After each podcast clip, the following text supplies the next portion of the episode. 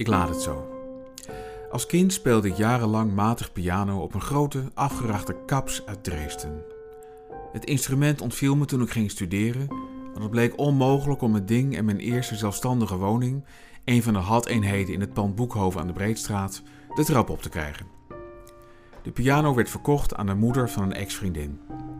Af en toe liep ik daar nog wel eens binnen om te kijken hoe het met mijn oude piano ging, maar uiteindelijk verhuisde iedereen overal heen en de piano schoof verder bij me vandaan door de tijd naar plaatsen waar ik geen vermoeden van heb. Er is een gedicht van K. Schippers dat gaat over het kwijtraken van dingen. Het begint als volgt. Je hebt iets uitgeleend, je wilt het terug. Een boek of zijn het bamzaaistokjes.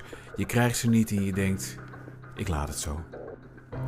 In het gedicht worden de dingen gevolgd en concludeert de dichter van alles over dingen en afstand, onder meer dat de afstand tot je spullen ook iets waard is, dat er een evenwicht kan ontstaan tussen wat je verloor en het niet meer in huis hebben ervan. Troost is een groot woord bij poëzie, maar het gedicht is heel goed toepasbaar op de verdwenen kaps. Het eindigt zo. Zo slinkt je eigendom over zeeën en bergen, je leent uit, je verliest, je kunt niets meer aanraken en je laat het zo. Het is al verzameld op de wereld en waarom die terloopse verte nog in een huis laten krimpen. Deze zomer schreef ik een stuk over gitaren voor NRC, waarin de piano terloops ter sprake komt. Ik ontving twee mailberichten.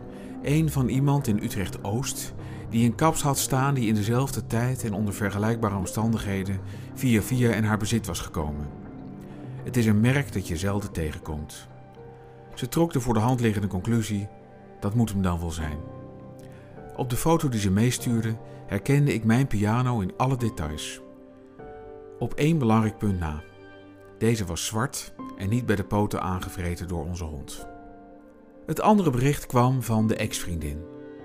Mijn instrument, dat niets bespaard blijft in dit leven, doet na een aantal verhuizingen nog altijd dienst in het zaaltje van de carnavalsvereniging van Geleen. Daarmee is de afstand weer duidelijk, tot op de kilometer. Ik kan daarheen gaan en vragen of ik mag spelen. Ik kan dat niet doen en daar een gedicht over schrijven.